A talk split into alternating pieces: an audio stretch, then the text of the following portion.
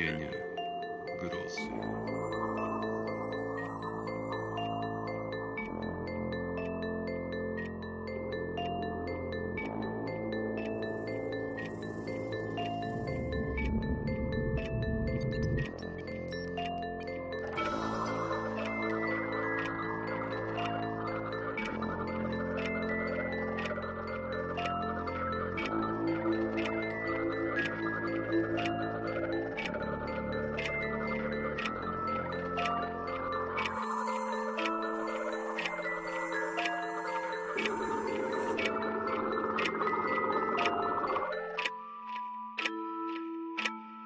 Howard Phillips Lovecraft.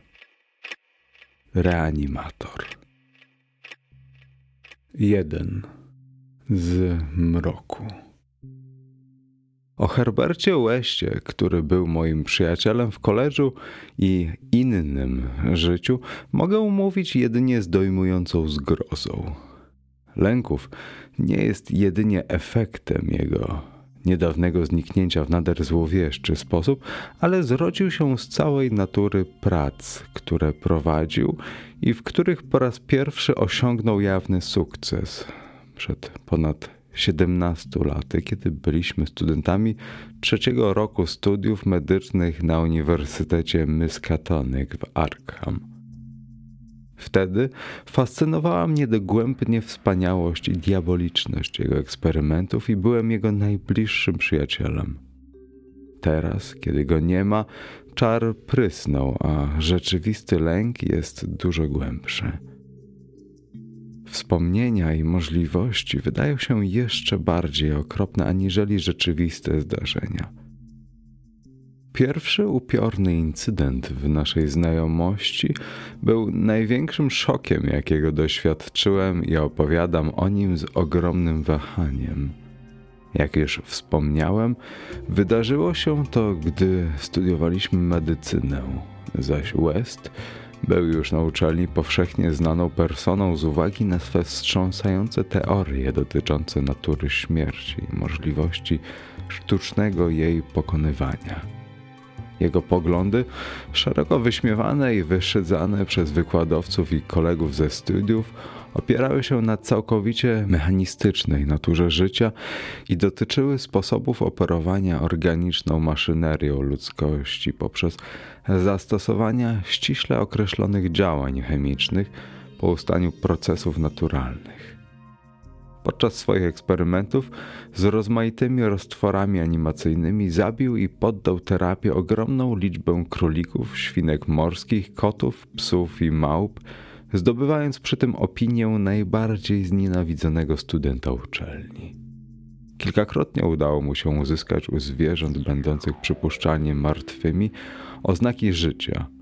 W wielu przypadkach były one nader brutalne, West zaś uświadomił sobie niebawem, że doprowadzenie do perfekcji swego eksperymentu i jego wyników, jeżeli w ogóle było to możliwe, będzie wymagało żmudnych badań i prawdopodobnie zabierze mu resztę życia.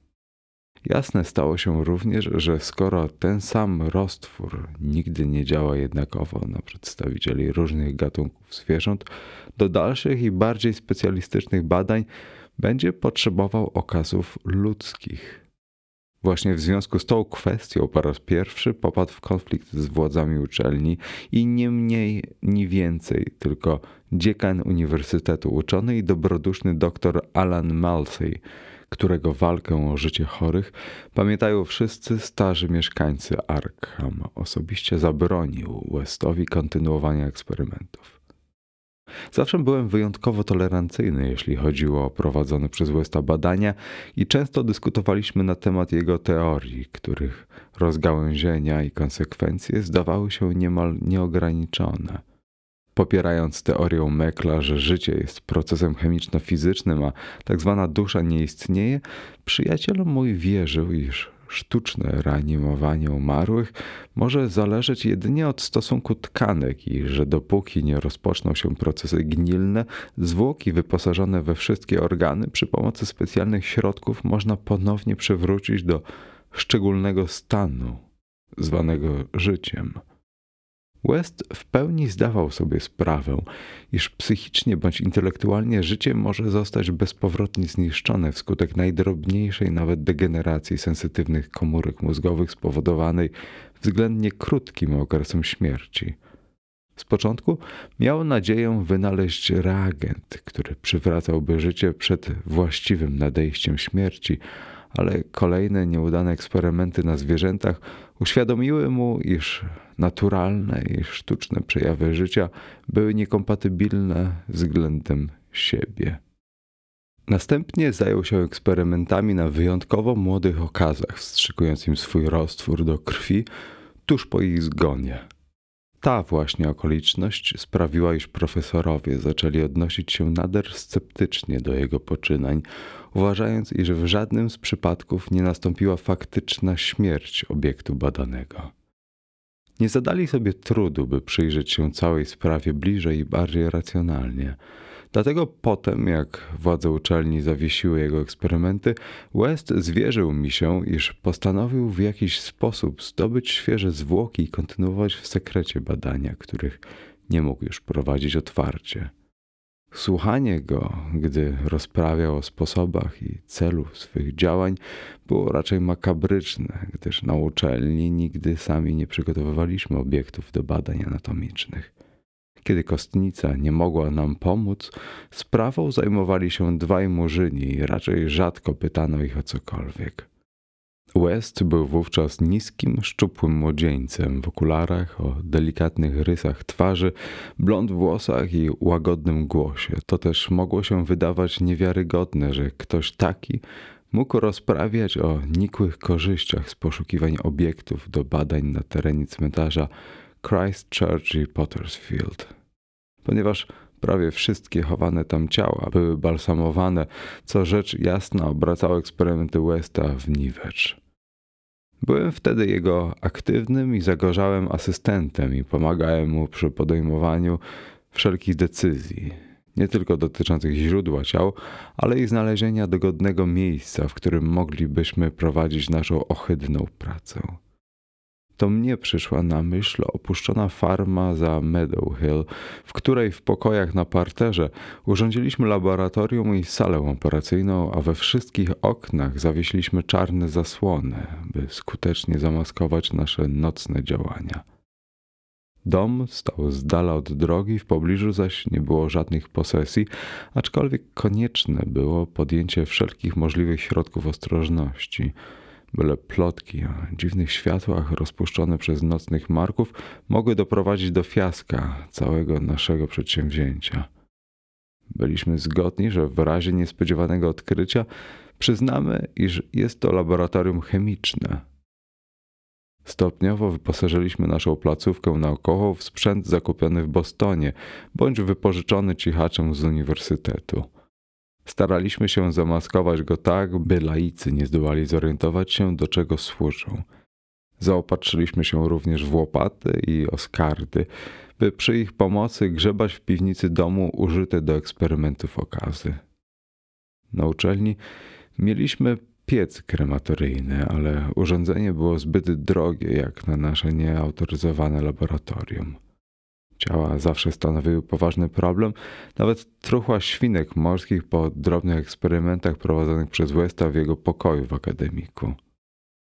Przyglądaliśmy nekrologii niczym gule, gdyż poszukiwane przez nas okazy musiały spełniać kilka podstawowych warunków.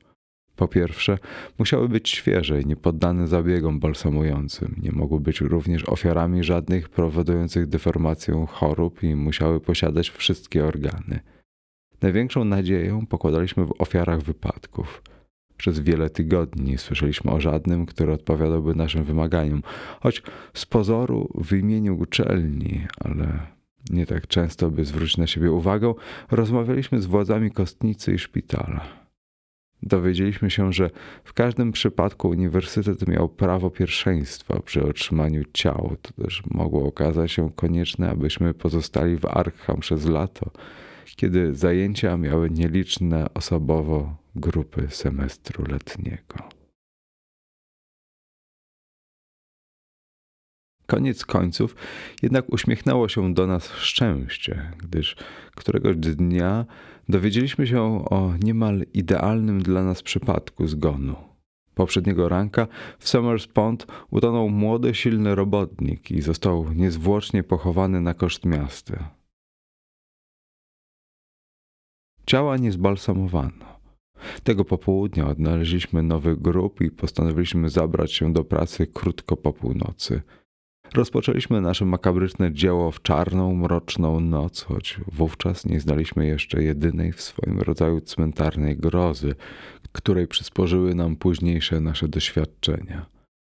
Mieliśmy łopaty i zaciemnione naftowe lampy, bo choć wynaleziono już latarki, nie były wtedy jeszcze tak dobre jak dzisiejsze, te tungstenowe.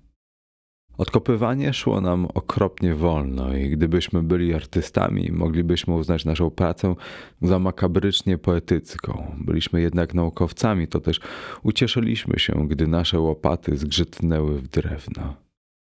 Kiedy pokrywa sosnowej skrzyni została zupełnie odkryta, West zsunął się do dołu i zdjął wieko, po czym wyciągnął nieboszczyka z trumny.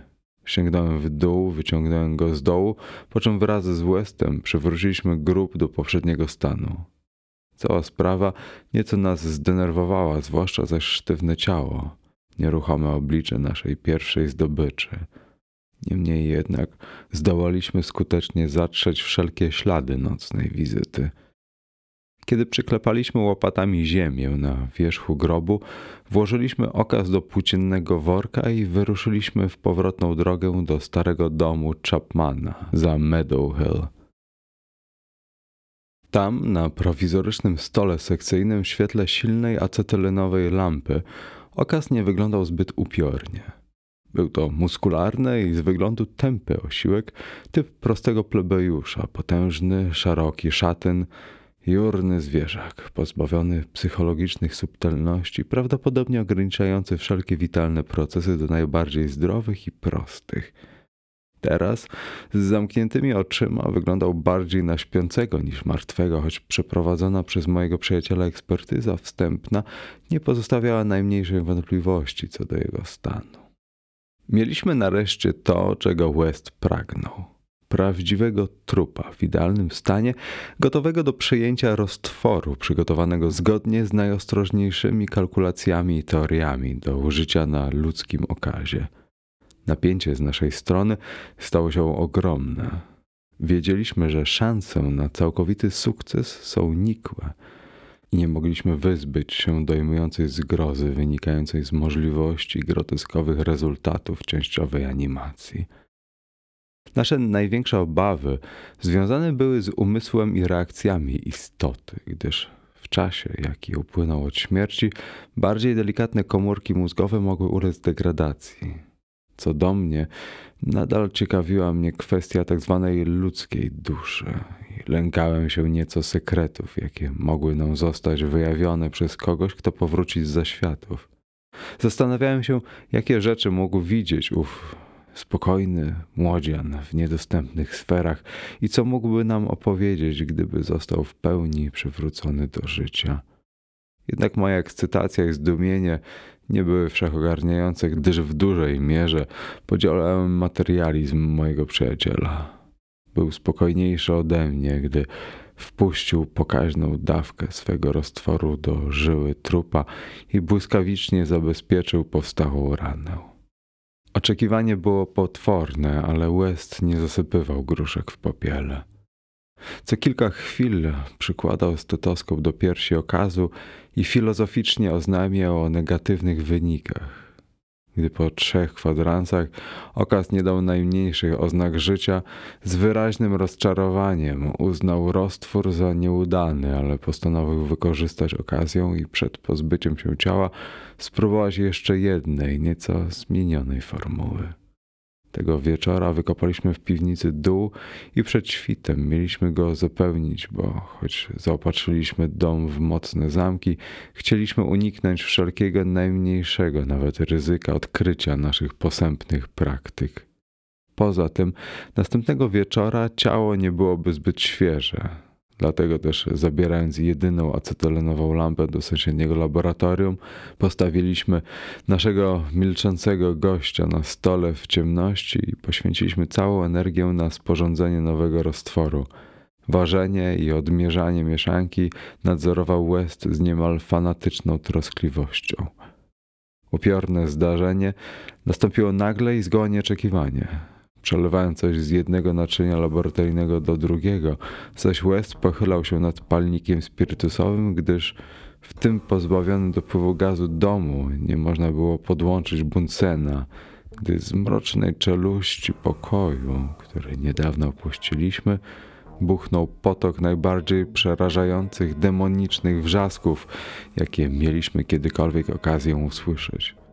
Upiorny dźwięk nie mógłby być okropniejszy, nawet gdyby otwarły się wszystkie bramy piekieł, rozległo się dobiegające z otchłani wycie potępionych, gdyż w tej jednej niesłychanej kakofonii zawierała się cała nadnatura, groza i rozpacz animowanej natury, nieludzkiej, gdyż żaden człowiek nie byłby w stanie wydać z siebie takich odgłosów. Nie myśląc wcale o naszym martwym okazie, obaj, ja i West, rzuciliśmy się jak spłoszone zwierzęta w stronę najbliższego okna, po czym przewracając naczynia laboratoryjne, lampę i retorty, pognaliśmy jak szaleni w rozgwieżdżoną, sielską, wiejską noc.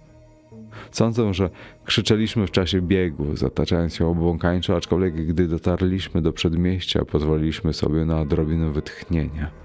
Wyglądaliśmy teraz jak dwaj rewelersi wracający do domu z nocnej bibki. Nie rozdzieliliśmy się, ale dotarliśmy do wynajętego pokoju Westa, gdzie do świtu szeptaliśmy z ożywieniem przy zapalonym świetle. Do tej pory zdołaliśmy się już uspokoić.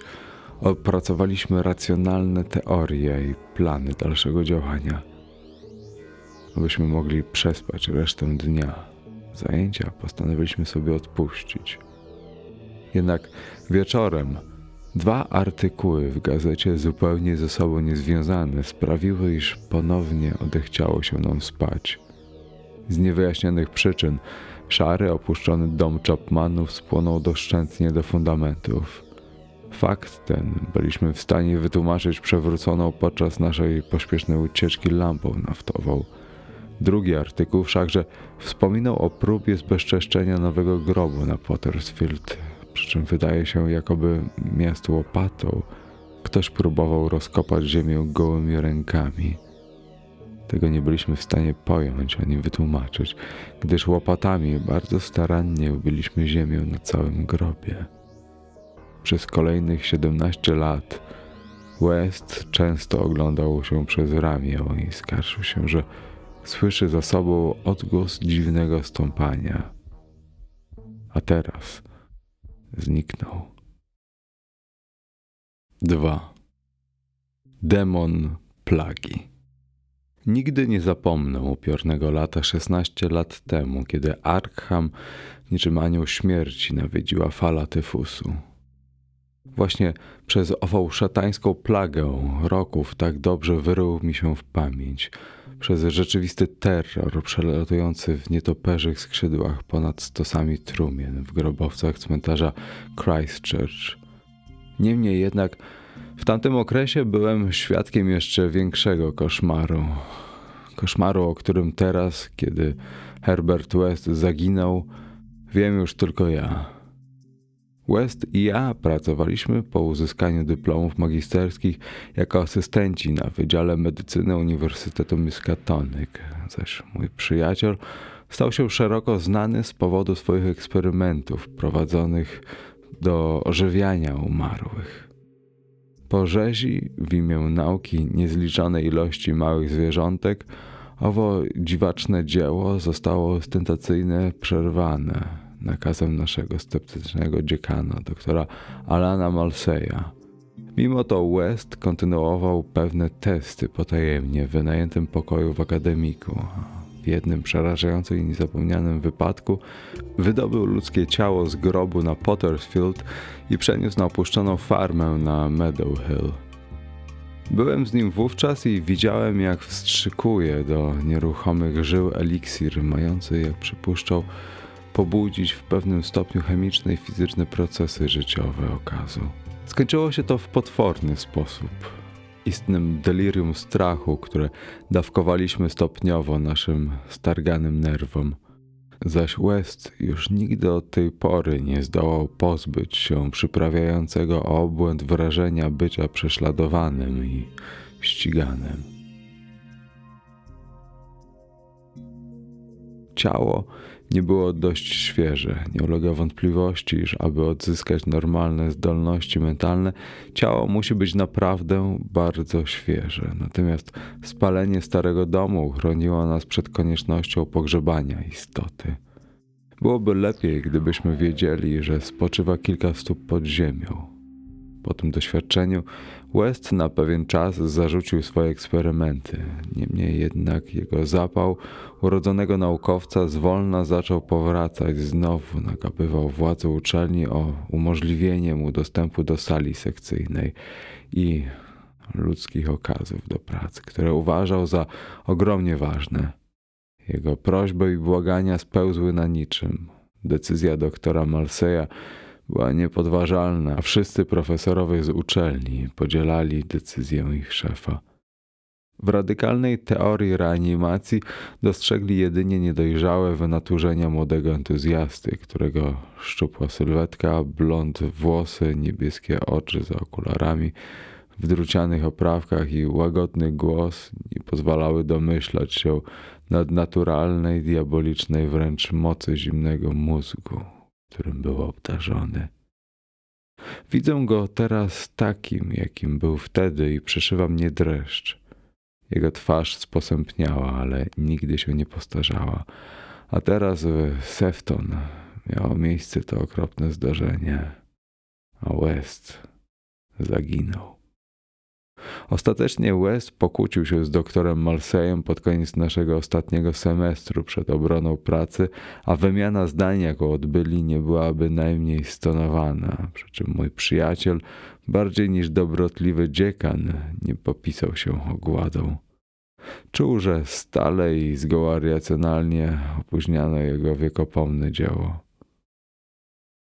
Dzieło, które rzecz jasna mógł kontynuować w latach późniejszych, ale które pragnął rozpocząć, gdy miał jeszcze dostęp do sali i sprzętu na uniwersytecie. Fakt, iż starsi tradycjonaliści zignorowali rezultaty jego eksperymentów na zwierzętach i uparcie zaprzeczali możliwościom reanimacji, był dla młodego, pełnego temperamentu logicznego umysłu Westa wielce odrażający i niemal niezrozumiały. Jedynie większa dojrzałość mogła pomóc mu w zrozumieniu chronicznych ograniczeń umysłowych ludzi typu profesorowie doktorzy, będących produktami pokoleń patetycznych purytanów, łagodnych, sumiennych, niekiedy dobrodusznych i życzliwych, aczkolwiek zawsze nietolerancyjnych, ograniczonych, nastawionych tradycjonalistycznie i pozbawionych perspektyw. Wiek jest bardzo łaskawy dla tych niedoskonałych, aczkolwiek wielkodusznych osobników, których największą słabością była bojaźliwość i którzy są ostatecznie karani powszechnym wyszedzeniem za swe intelektualne grzechy. Grzechy takie jak ptolemeizm, kalwinizm, antydarwinizm, antyniczeanizm czy wszelkie odmiany sabatenizmu. Westowi, ostatecznie młodemu człowiekowi, pomimo jego cudownych naukowych osiągnięć, brakowało cierpliwości w stosunku z dobrotliwym doktorem Malsejem i jego wykształconymi kolegami. Tłumił w sobie coraz większe oburzenie, a w głębi serca pragnął w jakiś widowiskowy i dramatyczny sposób udowodnić swoje teorie tym tępym jajogłowym. Jak większość młodych, taki on snuł skomplikowane marzenia na jawie, marzenia o zemście, triumfie i ostatecznym, wielkodusznym przebaczeniu. I wtedy pojawiła się zaraza, uśmiechnięta i zabójcza, przybywająca wprost z koszmarnych jaskiń Tartaru. Zanim się zaczęła, West i ja zdążyliśmy obronić pracę, ale pozostaliśmy na uczelni w charakterze asystentów dla semestru letniego. To też znajdowaliśmy się w Arkham, kiedy plaga z iście demoniczną furią uderzyła na miasto. Choć nie byliśmy jeszcze licencjonowanymi lekarzami, mieliśmy już tytuły magisterskie i w miarę jak rosła liczba zagrożonych, posłano nas pospiesznie, byśmy pomagali chorym. Sytuacja niemal całkowicie wydostała się spod kontroli, a ludzie marli jak muchy, także grabarze nie mogli nadążać z pochówkiem. Pogrzeby bez balsamowania zwłok przeprowadzono błyskawicznie, jeden za drugim i nawet krypta grobowca na cmentarzu Christchurch była zastawiona trumnami pełnymi niezbalsamowanych zmarłych. Te okoliczności nie mogły nie wywrzeć żadnego wrażenia na łeście, który często zastanawiał się nad ironią całej sytuacji. Tyle świeżych okazów, a mimo to nie miał żadnego do swoich zawieszonych eksperymentów. Byliśmy przeraźliwie przepracowani, a upiorne napięcie umysłowe i nerwowe wprawiło mojego przyjaciela w grobowy nastrój. Jednak łagodni wrogowie Westa również obarczeni byli piętrzącymi się coraz bardziej obowiązkami. Uczelnia została zamknięta, a każdy lekarz z Wydziału Medycyny niósł pomoc w walce z plagą tyfusu.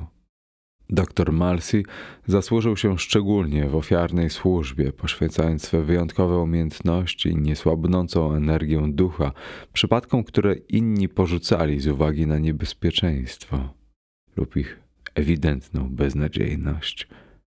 W ciągu miesiąca nieustraszony dziekan stał się ludowym bohaterem, aczkolwiek wydawał się absolutnie nieświadomy swojej sławy, walcząc z wyczerpaniem, gdyż o mało nie padał z nóg skutek fizycznego zmęczenia i wycieńczenia psychicznego. West nie potrafił ukryć podziwu dla męstwa swego przeciwnika, ale również i z tego powodu pragnął z jeszcze większą determinacją udowodnić mu prawdziwość swych zadziwiających doktryn wykorzystując dezorganizację i chaos zarówno w pracy uczelni, jak i w lokalnych przepisach dotyczących ochrony zdrowia, zdołał zdobyć świeże zwłoki, przetransportować je nocą do sali sekcyjnej na uniwersytecie i tam, w mojej obecności, wstrzyknął trupowi zmodyfikowaną wersję swego roztworu. Istota faktycznie otworzyła oczy, ale tylko wpatrywała się w sufit z wyrazem porażającej duszą zgrozy zanim popadła w stan całkowitego drętwienia, z którego nic nie mogło jej wytrącić. West stwierdził, iż nie było dostatecznie świeże. Gorące letnie powietrze nie wpływa korzystnie na zwłoki. Tymczasem o mało nas nie przyłapano, zanim zdążyliśmy spalić ciało i West wątpił, czy byłoby rozsądnym powtarzaniem jego śmiałego wyczynu związanego z nieco innym wykorzystaniem uczelnianego laboratorium. Epidemia osiągnęła swą kulminację w sierpniu. West i ja o mało nie wzięliśmy ducha, zaś 14 tego miesiąca zmarł dr Malsey. 15 wszyscy studenci przybyli na pospiesznie wyprawiony pogrzeb i kupili ogromny wieniec, choć ten ostatni znikł pośród góry kwiatów i wieńców przysłanych przez zamożnych mieszkańców Arkham i przez Radę Miejską. Była to bądź co bądź sprawa publiczna, gdyż dziekan z całą pewnością był publicznym beneficjentem.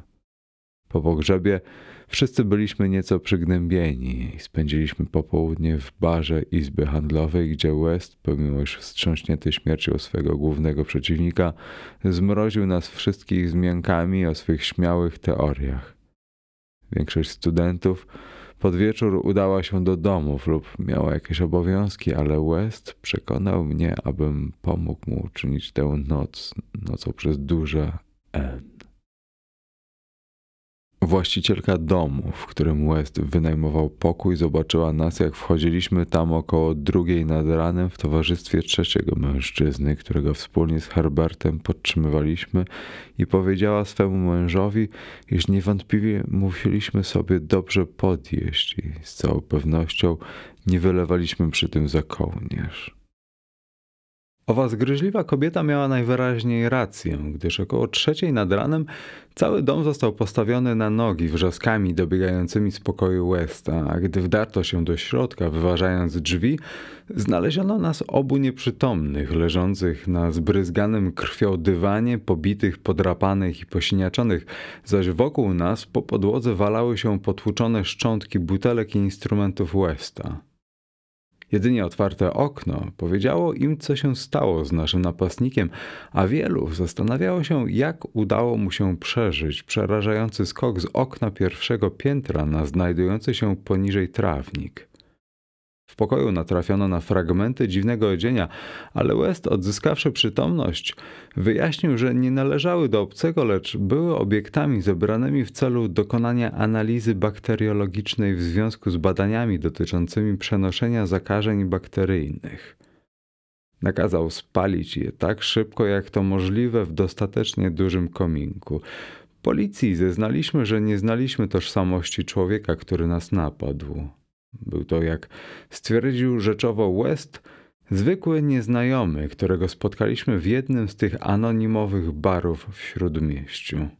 Zachowaliśmy się raczej jowialnie i ani West, ani ja nie złożyliśmy wniosku o ściganie naszego krewkiego kompana. Tej samej nocy w Arkham rozpoczął się nowy koszmar. Koszmar, który moim zdaniem przewyższył nawet grozę plagi tyfusu – Cmentarz Christchurch stał się sceną potwornej zbrodni. Nocny stróż został rozdarty na śmierć w sposób nie tylko zbyt okrutny, by można go było tu przytoczyć, ale który wzbudził wątpliwości co do tego, czy sprawca zabójstwa był w ogóle człowiekiem. Ofiarą po raz ostatni widziano żywą już po północy, a o świcie odkryto jej rozszarpane na strzępy szczątki. Przesłuchano kierownika cyrku z pobliskiego miasteczka Bolton, ale mężczyzna zaklina się, że wszystkie jego drapieżniki znajdowały się zamknięte bezpiecznie w swoich klatkach. Ci, którzy znaleźli ciało, zauważyli ślady krwi prowadzące do zbiorowego grobowca, na betonie zaś za bramą widniała niewielka kałuża szkarłatu. Nieco słabsze ślady wiodły w kierunku lasu, ale w pewnym momencie ni stąd, ni zowąd się urywały. Następnej nocy diabły tańczyły na dachach Arkham, a wiatr zawoził bluźniercze szalone pieśni. Poprzez nękane plagą miasto przemykała klątwa, o której wielu sądziło, iż była gorsza od zarazy, a nieliczni szeptali, że stanowiło ucieleśnienie demonicznej duszy samego moru. Bezimienna istota, pozostawiająca po sobie krwawe ślady, wdarła się do ośmiu domów, a pokłosiem wizyty owego milczącego, sadystycznego monstrum było siedemnaście zmasakrowanych, niemożliwych do rozpoznania szczątków ciał. Kilka osób, które zdołało ją dostrzec w ciemności, stwierdziło, iż była biała i wyglądała jak zdeformowana małpa albo antropomorficzny czart. Nie zawsze zdarzało mu się pozostawić ofiarę w takim stanie, w jakim była, gdy ją zaatakował, gdyż niekiedy bywał głodny. Zabił w sumie 14 osób. Trzy, które padły ofiarą zarazy, został w ich domach już martwe. Trzeciej nocy grupka zapalonych poszukiwaczy zdołała ją pochwycić w domu przy Crane Street, podal miasteczka uniwersyteckiego Miskatonic. Obława była zorganizowana nader przemyślnie i bez rozgłosu dzięki pomocy ochotniczych stacji radiowych. Z powodu generalnego alarmu i podjętych środków ostrożności, tym razem były już tylko dwie ofiary, zaś pojmanie sprawcy odbyło się bez strat w ludziach. W końcu istota została powstrzymana przez kulę, ale tylko zraniona, nie zabita, po czym przewieziono ją do miejscowego szpitala przy powszechnej ekscytacji i odrazie ze strony ogółu. Był to bowiem człowiek. Co do tego nie ulegało wątpliwości, pomimo ohydnych oczu, małpiej niemoty i demonicznej dzikości. Opatrzono mu ranę i wywieziono do zakładu dla obłąkanych w Sefton, gdzie przez 16 kolejnych lat Stworzenie to zawzięcie biło głową wyłożonym miękką gąbką ściany swojej celi, aż do niedawnego incydentu, kiedy w okolicznościach, o których mało kto chce wspominać, zdołało uciec. tym, co przyprawiło grupę poszukiwaczy z Arkham o największą odrazą, było oblicze bestii. Kiedy w końcu ją umyto i doprowadzono do porządku, ironiczne, niewiarygodne wręcz podobieństwo do uczonego Samarytanina, szlachetnego męczennika, który został pochowany zaledwie przed trzema dniami, świętej pamięci doktora Alana Halseya, dobroczyńcy publicznego i dziekana Wydziału Medycyny Uniwersytetu Miskatonic. Dla zaginionego Herberta Westa, jak i dla mnie, reakcją na ten fakt było bezgraniczne obrzydzenie i zgroza. Wzdragam się jeszcze dzisiaj, kiedy o tym myślę, bardziej nawet niż tamtego ranka, kiedy West mruknął przez bandaże. Do diaska. Nie było dość świeże. 3. Sześć strzałów w blasku księżyca. Jest rzeczą raczej niesłychaną, by oddawać jeden za drugim sześć strzałów z rewolweru, skoro przypuszczalnie wystarczyłby tylko jeden, ale w życiu Herberta Westa było doprawdy wiele niezwykłości. Na ten przykład nieczęsto zdarza się, że młody lekarz opuszczający uczelnię ukrywa powody dotyczące takiego, a nie innego wyboru domu czy gabinetu. Jednak w przypadku Westa tak właśnie było. Kiedy uzyskaliśmy dyplomy i wypłynęliśmy na szerokie wody, by rozpocząć prywatną praktykę, staraliśmy się możliwie najdyskretniej pomijać fakt, iż wybraliśmy nasz dom, ponieważ znajdował się na uboczu i w miarę niedaleko cmentarza. Odosobnienie tego typu rzadko pozbawione jest przyczyn i z nami było podobnie, gdyż badania, jakie prowadziliśmy, wymagały raczej niezbyt popularnych i niemile widzianych rozwiązań. Z pozoru byliśmy zwykłymi lekarzami, ale w głębi serca nasze działania skierowane były ku większemu i bardziej przerażającemu celowi.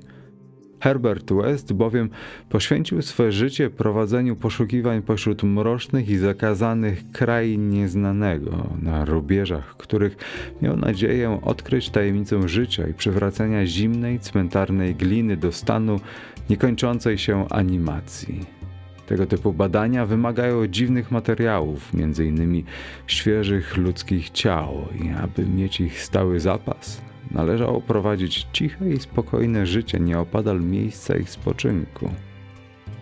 West i ja poznaliśmy się na studiach i tylko ja jeden byłem nastawiony przychylnie do jego okropnych eksperymentów. Także w miarę upływu czasu stałem się jego nieodłącznym asystentem. Dzięki poparciu uniwersytetu załatwiono nam praktykę w Bolton, przemysłowym mieście opodal Arkham, gdzie mieściła się nasza uczelnia. Fabryka włókiennicza Bolton to największy tego typu zakład w Dolinie Miskatonic, a zatrudnieni tam cudzoziemcy bywają nader częstymi gośćmi u lokalnych lekarzy. Wybraliśmy nasz dom z największą troskliwością, decydując się na zajęcie ostatniego, raczej zapuszczonego domku na samym końcu Pond Street o 5 minut od najbliższego sąsiedztwa i oddalonego od miejscowego cmentarzyka łąką, przydzieloną w połowie wąskim pasmem leżącego na północ dość gęstego lasu. Odległość była większa niż byśmy sobie tego życzyli, ale po tej stronie łąki nie było innego domu, zaś to po przeciwnej nie podlegały okręgowi fabryki. Niemniej jednak byliśmy ogólnie zadowoleni, gdyż pomiędzy naszym domem a złowieszczym źródłem zaopatrzenia nie było domów mieszkalnych. Fakt, szło się tam dosyć długo, aczkolwiek bez najmniejszych przeszkód mogliśmy przynosić nasze milczące obiekty badań do domu. Od samego początku nasza praktyka ruszyła ostro z kopyta. Mieliśmy dostatecznie dużo pracy, by jako młodzi lekarze poczuć się zadowoleni, ale i na tyle dużo, byśmy poczuli się znudzeni i zatroskani, gdyż rzecz jasna, interesowało nas wówczas coś zupełnie innego. Robotnicy z fabryki byli raczej krewkiej natury i poza wieloma naturalnymi potrzebami musieli wyładowywać swój temperament w rozlicznych bójkach na pięści i noże, dzięki czemu mieliśmy obaj z Westem pełne ręce roboty. Jednak nasze umysły pochłonięte były w głównej mierze sekretnym laboratorium, które urządziliśmy w piwnicy. Było tam światło elektryczne i długi stół, na którym późną nocą składaliśmy wykopane z cmentarza okazy Westa, by wstrzyknąć im do żył rozmaite roztwory. West, jak szalony, prowadził szeroko zakrojone eksperymenty, usiłując wynaleźć miksturę, która na nowo pobudziłaby wszelkie funkcje życiowe organizmu, zahamowane przez proces zwany potocznie śmiercią, ale natrafiał w swych badaniach na wiele ogromnych przeszkód. Dla poszczególnych gatunków trzeba było preparować oddzielne specyfiki, to, co nadawało się dla świnek morskich, nie służyło ludziom, zaś inne gatunki wymagały jeszcze większej modyfikacji. Ciała musiały być wyjątkowo świeże, gdyż już lekki rozkład tkanki mózgowej czynił idealną reanimację niemożliwą. Nie ulega wątpliwości, iż największym problemem było pozyskiwanie możliwie jak najświeższych ciał – West podczas swych sekretnych badań na uczelni miał przerażające doświadczenia ze zwłokami wątpliwej świeżości. Rezultaty częściowej lub niedoskonałej animacji były bardziej przerażające niż zupełne niepowodzenia i obaj mieliśmy szokujące wspomnienia kilku tego typu przypadków. Poza tym, od czasu naszej pierwszej demonicznej sesji na opuszczonej farmie na Meadow Hill Warham doręczyło nas dziwne, mroczne uczucie zagrożenia, zaś Westów spokojny, niebieskooki blondyn, okularnik, pomimo iż pod wieloma względami przypominał robota wykazującego mechaniczne naukowe czynności, zwierzał mi się często, że ma wrażenie, jakby ktoś go śledził. Owo niejasne odczucie wywołane było przez stargane nerwy, wzmożone niezaprzeczalnie niepokojącym faktem, iż co najmniej jeden z naszych okazów wciąż jeszcze pozostawał przy życiu. Owa przerażająca drapieżna istota zamknięta w pokoju bez klamek w zakładzie w Sefton. I był jeszcze drugi fakt. Nasz pierwszy okaz, o którego losie nigdy się nie dowiedzieliśmy – w Bolton mieliśmy szczęście. Jeżeli chodzi o okazy do badań, powiodło się nam dużo lepiej niż w Arkham. Nie minął tydzień, odkąd się tam zadomowiliśmy, gdy trafiła się nam ofiara wypadku. Wykopaliśmy ją w nocy po pogrzebie, a zanim roztwór przestał działać, otworzyła oczy. Ich wyraz wydawał się całkiem racjonalny. Straciła rękę. Być może odnieślibyśmy większy sukces, gdyby ciało nie było uszkodzone. Pomiędzy tym dniem a styczniem przyszłego roku dokonaliśmy trzech kolejnych eksperymentów. Jeden zakończył się kompletnym fiaskiem. W drugim nastąpiły zauważalne ruchy mięśni okazu, w trzecim zaś, najbardziej wstrząsającym, obiekt wyprostował się i krzyknął. Potem nastąpił raczej pechowy okres. Było mniej zgonów, a jeżeli już miały miejsce, okazy były zbyt chore lub zbyt okaleczone, by mogły służyć do naszych celów. Śledziliśmy uważnie okoliczności i przyczyny każdego ze zgonów. Pewnej marcowej nocy nieoczekiwanie trafił w nasze ręce okaz niepochodzący z Pottersfield – w Bolton przeważający duch purytanizmu umieścił boks w kategorii sportów zakazanych, z typowym rzecz jasna rezultatem. Nielegalne walki były wśród robotników fabryki na porządku dziennym, zaś od czasu do czasu w pojedynkach brał udział zawodowy talent bokserski niższego szczebla. Taki właśnie pojedynek odbył się owej ciemnej zimowej nocy i najwidoczniej zakończył się w nader brutalny sposób, skoro do naszego domu przybyło cichaczem dwóch mocno zdenerwowanych Polaków, prosząc nas usilnie i szeptem, abyśmy pospieszyli do sekretnego i niecierpiącego zwłoki przypadku. Poszliśmy za nimi do opuszczonej stodoły, gdzie niewielka gromadka przerażonych cudzoziemców, jaka zdecydowała się tam pozostać, wpatrywała się w milczącą czarną sylwetkę leżącą na podłodze. Pojedynek odbył się pomiędzy Kidem O'Brienem, potężnie zbudowanym, a obecnie drżącym jak osika, młodzieńcem o haczykowatym nosie, a Buckiem Robinsonem, znanym jako Dymek z Harlemu. Czarny został znokautowany i nawet pobieżne badania powiedziały nam, że człowiek ów już nigdy nie wstanie. Był odrażającym, przypominającym goryla osiłkiem o nienormalnie długich ramionach, które nieodmiennie kojarzyły mi się z małpimi, a jego oblicze przywodziło myśli o niewypowiedzianych, mrocznych tajemnicach Konga i dźwiękach tamtamów rozbrzmiewających podczas każdej pełni księżyca. Nieszczęsnych widzów pojedynku ogarnęła zgroza – nie wiedzieli, jak zachowałaby się policja, gdyby cała sprawa nie została zatuszowana i zareagowali z nieskrywaną wdzięcznością, gdy West, pomimo moich mimowolnych oporów, zaproponował, że po cichu pozbędzie się ciała, zamierzając, o czym doskonale wiedziałem, wykorzystać je do swoich mrocznych celów. Bezśnieżny krajobraz skąpany był w księżycowym blasku. My zaś, przyodziawszy trup, zanieśliśmy go do domu przez opustoszałe uliczki i puste łąki, podobnie jak uczyniliśmy to owej przerażającej nocy w Arkham. Zbliżyliśmy się do domu przez łąkę od tyłu, wnieśliśmy nasz okaz do środka tylnym wejściem i znieśliśmy schodami do piwnicy, tam zaś przygotowaliśmy go do zwyczajowego eksperymentu. Nasz lęk przed policją był tak absurdalnie wielki, że nadłożyliśmy czasu i drogi, aby ominąć pojedynczego policjanta patrolującego ten teren. Rezultat był nieco bezbarwny i zgoła rozczarowujący. Pomimo iż nasz okaz wyglądał upiornie i groźnie, okazał się absolutnie nieczuły na wszelkie roztwory, jakie strzyknęliśmy w jego czarne ramię. Roztwory, które przygotowaliśmy bazując jedynie na doświadczeniach z białymi okazami. Gdy świt był już niepokojąco blisko, przenieśliśmy ciało przez pola na skraj lasu opodal cmentarza i pogrzebaliśmy tam w najlepszym grobie, jaki byliśmy w stanie wykopać w zmarzniętej ziemi. Po milczącym powrocie położyłem się otępiały, nie reagując na księżyc świecący mi prosto w oczy. I nagle rozległo się jednostajne stukanie do tylnych drzwi.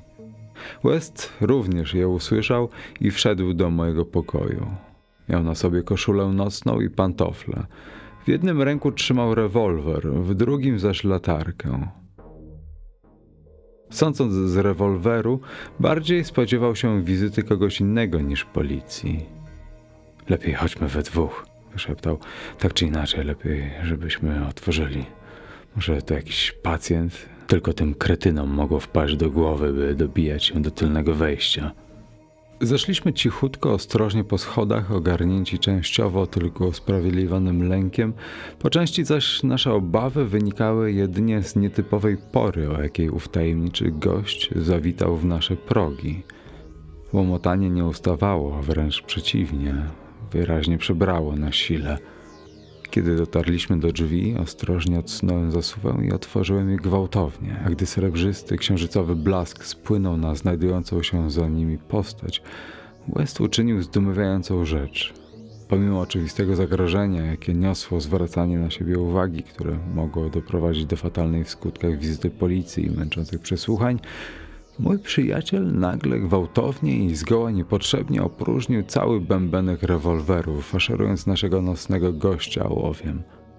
Okazało się bowiem, iż nie był to policjant. W upiornym blasku księżyca na progu czaił się gigantyczny, zdeformowany stwór, rodem z najgorszych koszmarów. Szklistookie czarne widmo, kucające na progu, prawie na czworakach pokryte grudami ziemi – liśćmi i pędami winorośli, zbryzgany zaschniętą posoką i trzymający między błyszczącymi zębami śnieżno-biały, potworny, cylindryczny przedmiot, zakończony drobną rączką. 4. Krzyk umarłego. Krzyk wyjącego nieboszczyka sprawił, iż w moim sercu zrodził się lęk przed Herbertem Westem, nietłumiona jawna groza, która dominowała w ostatnich latach naszej współpracy. To całkiem normalne, że coś takiego jak wrzask trupa powinno budzić przerażenie. Niemniej jednak byłem przyzwyczajony do tego typu rzeczy, a ten przypadek wstrząsnął mną jedynie ze względu na niezwykłe okoliczności. Jak już wspomniałem, to nie samego trupa zacząłem się obawiać. Herbert West, którego byłem współpracownikiem i asystentem, przejawiał naukowe zainteresowania przekraczające zwyczajową rutynę małomiasteczkowego lekarza.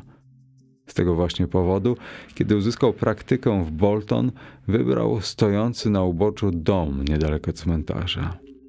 Mówiąc krótko i dobitnie, głównym zainteresowaniem Westa było potajemne studiowanie fenomenu życia i śmierci, prowadzące do reanimowania zmarłych za pomocą zastrzyków z roztworem pobudzającym.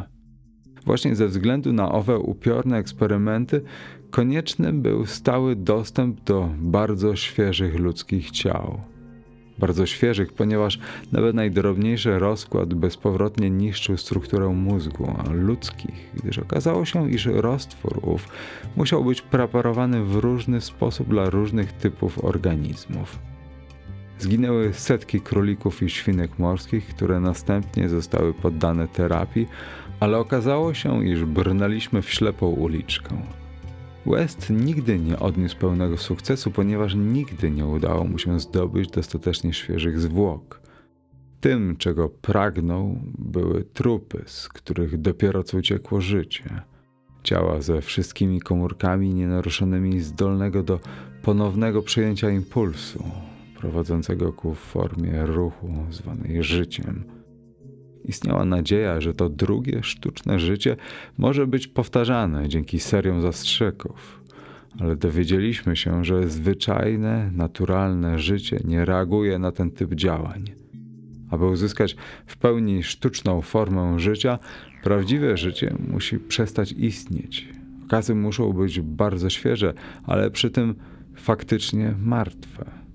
Przerażające eksperymenty rozpoczęły się, kiedy West i ja byliśmy studentami na Wydziale Medycyny Uniwersytetu Miskatonic.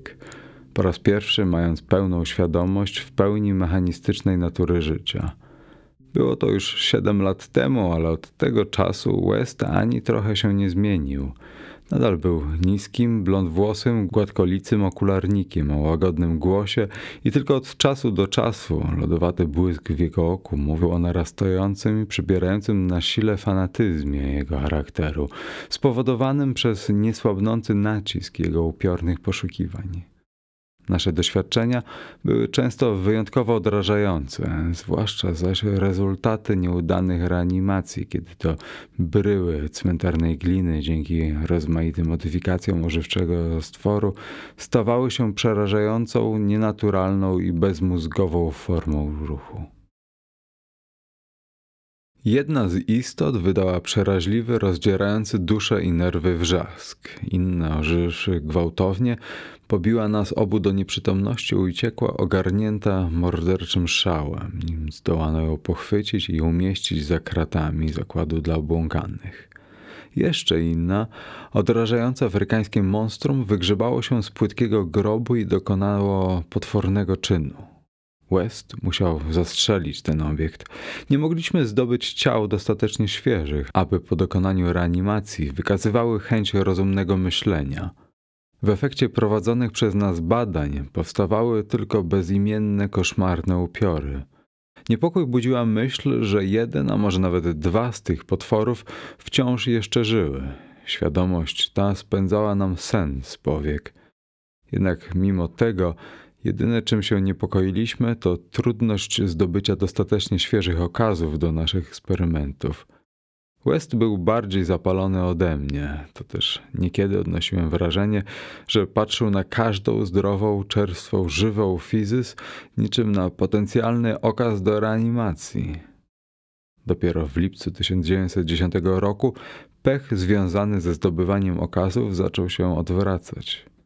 Wyjechałem wówczas na dłuższą wizytę do moich rodziców w Illinois, a kiedy wróciłem, zastałem Westa w stanie jednoznacznego podniecenia. Z ekscytacją poinformował mnie, że najprawdopodobniej udało mu się rozwiązać problem świeżości ciał, a dokonał tego podchodząc do owej kwestii z zupełnie innej strony, mianowicie dzięki sztucznej konserwacji. Wiedziałem, że pracował nad nową i wielce niezwykłą mieszanką balsamującą i nie zdziwiło mnie, gdy okazało się, iż jego trud zakończył się sukcesem. Jednak dopóki nie wyjaśnił mi szczegółów, byłem raczej zdumiony, jak tego typu mieszanka mogłaby pomóc w naszym dziele, skoro uszkodzenie zwłok stanowiące nasz najpoważniejszy problem, spowodowane było procesami gnilnymi rozpoczynającymi się zanim obiekty trafiały w nasze ręce. Teraz przekonałem się, że West doskonale zdawał sobie z tego sprawę. Stworzył mianowicie substancję nadającą się raczej do przyszłego niż natychmiastowego użycia, licząc, że los ponownie ześle mu jakiegoś świeżego i niepochowanego umrzyka, tak jak przed laty, kiedy trafił się nam murzyn zabity w pięściarskim pojedynku w Bolton. Ostatecznie los się do niego uśmiechnął, gdyż obecnie w sekretnym piwniczym laboratorium znajdowało się ciało, którego proces rozkładu z całą pewnością nie mógł się jeszcze rozpocząć. West nie ośmielił się prorokować, jak potoczy się reanimacja i czy mógł liczyć na ożywienie umysłu trupa. Eksperyment byłby kamieniem milowym w naszych badaniach. Postanowił więc zatrzymać nowe zwłoki do mego powrotu, tak byśmy obaj mogli w tradycyjny sposób być świadkami tego niezwykłego spektaklu. West powiedział mi, w jaki sposób zdobył okaz. Był to żwawy, rzeźki mężczyzna, dobrze ubrany, przyjezdny, który dopiero co wyszedł z pociągu, gdyż miał załatwić jakieś interesy w fabryce włókienniczej. Wędrówka przez miasto była długa i zanim przybysz zatrzymał się przy naszym domu, aby spytać o drogę do fabryki, ni stąd, z owąd jego serce zaczęło szwankować. Odmówił przyjęcia kropli nasercowych, a w chwilę potem skonał. Można by przypuszczać, iż zwłoki te zostały zesłane Westowi przez niebiosa. Podczas swej krótkiej rozmowy z Westem przybysz stwierdził, że w Bolton był zupełnie nieznany, a po przeszukaniu jego kieszeni okazało się, iż nazywał się Robert Levitt. Pochodził z St. Louis i prawdopodobnie nie miał rodziny, która mogłaby zacząć zadawać pytania w związku z jego zniknięciem. Gdyby mężczyzny tego nie udało się przywrócić do życia, nikt nie dowiedziałby się o naszym eksperymencie. Nasze okazy grzebaliśmy w gęstym paśmie leśnym pomiędzy domem a cmentarzem. Gdyby jednakże został on ożywiony, zyskalibyśmy sobie sławę i poczesne miejsce w panteonie nauki. Dlatego też West niezwłocznie wstrzyknął do nadgarstka trupa mieszankę, dzięki której okaz miał w stanie pełnej świeżości doczekać do dnia mego powrotu. Kwestia przypuszczalnie słabego serca, która w moim rozumowaniu stanowiła poważne zagrożenie naszego eksperymentu, najwyraźniej nie trapiła Westa zanadto. Nareszcie miał nadzieję na uzyskanie tego, czego nie zdołał dotychczas osiągnąć ponowne zapalenie iskierki inteligencji być może przywrócenie światu normalnej, żywej istoty. Tak więc nocą 18 lipca 1910 roku Herbert West i ja staliśmy w piwniczym laboratorium i wpatrywaliśmy się w białą, milczącą sylwetkę skąpaną w oślepiającym blasku łukowych lamp. Mieszanka balsamująca zadziałała zadziwiająco skutecznie, ponieważ kiedy patrzyłem z fascynacją na silnie zbudowane zwłoki, nie wykazujące od dwóch tygodni oznak zesztywnienia, mimowolnie spytałem Westa, czy ten człowiek na pewno nie żyje. Upewnił mnie o tym skwapliwie, przypominając jednocześnie, iż roztworu reanimującego nigdy nie używał bez uprzedniego przeprowadzenia dokładnego badania okazu, jako iż specyfik był bezużyteczny, jeżeli w ciele tliła się choć iskierka życia. Podczas gdy West zajął się czynnościami wstępnymi, ja nadal byłem pod wrażeniem niewiarygodnej złożoności nowego eksperymentu. Był on złożony do tego stopnia, iż West nie ufał żadnym innym dłoniom mniej delikatnym niż jego własne. Zabraniając mi, bym dotykał czoła, najpierw wstrzyknął narkotyk do nadgarstka tuż obok miejsca, w które wkłuł igłę, kiedy wstrzykiwał okazowi swoją mieszanką balsamującą.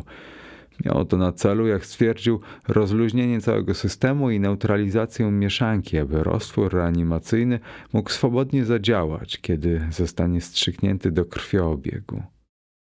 Nieco później, kiedy mogło się zdawać, że ciało uległo drobnej przemianie, a jego kończyny zaczęły niemal niezauważalnie drżeć, West brutalnie przycisnął do przeszywanej dreszczami twarzy okazu poduszkę i nie odjął jej, dopóki trup nie znieruchomiał, będąc tym samym gotowy do naszej próby reanimacji. Blady entuzjasta wykonał skrzętnie jeszcze jeden test, aby upewnić się, że okaz jest z całą pewnością martwy. Po czym nareszcie wstrzyknął w jego lewe ramię dokładnie wymierzoną dawkę ożywczego eliksiru, przygotowanego po południu z dużo większą starannością niż gdy robiliśmy to na uczelni, kiedy wszystko było dla nas nowe.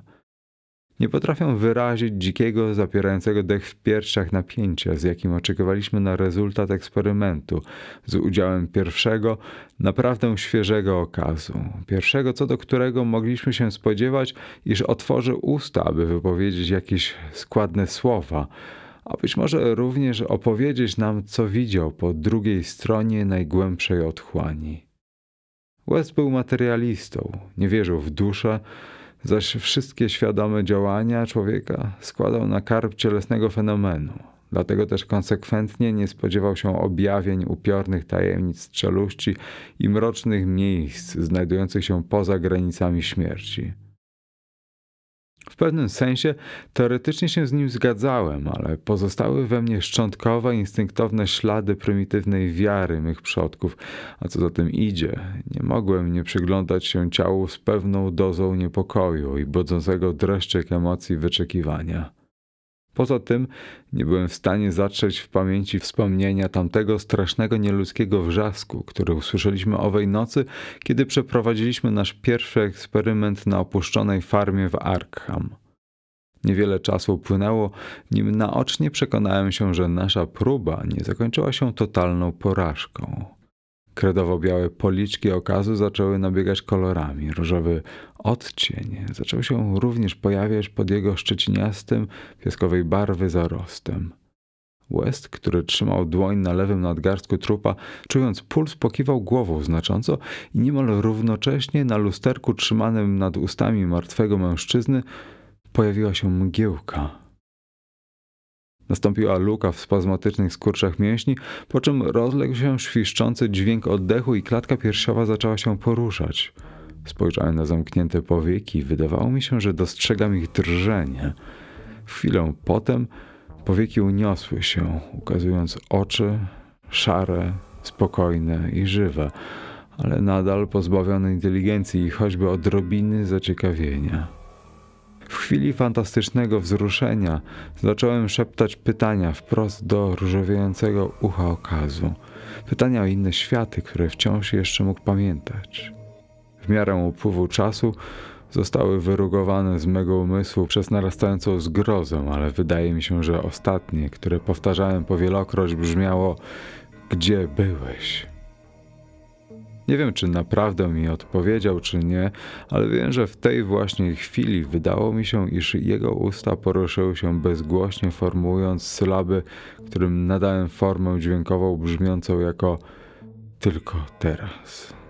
Jakby te dwa krótkie słowa mogły mieć jakiekolwiek znaczenie czy związek z moim pytaniem.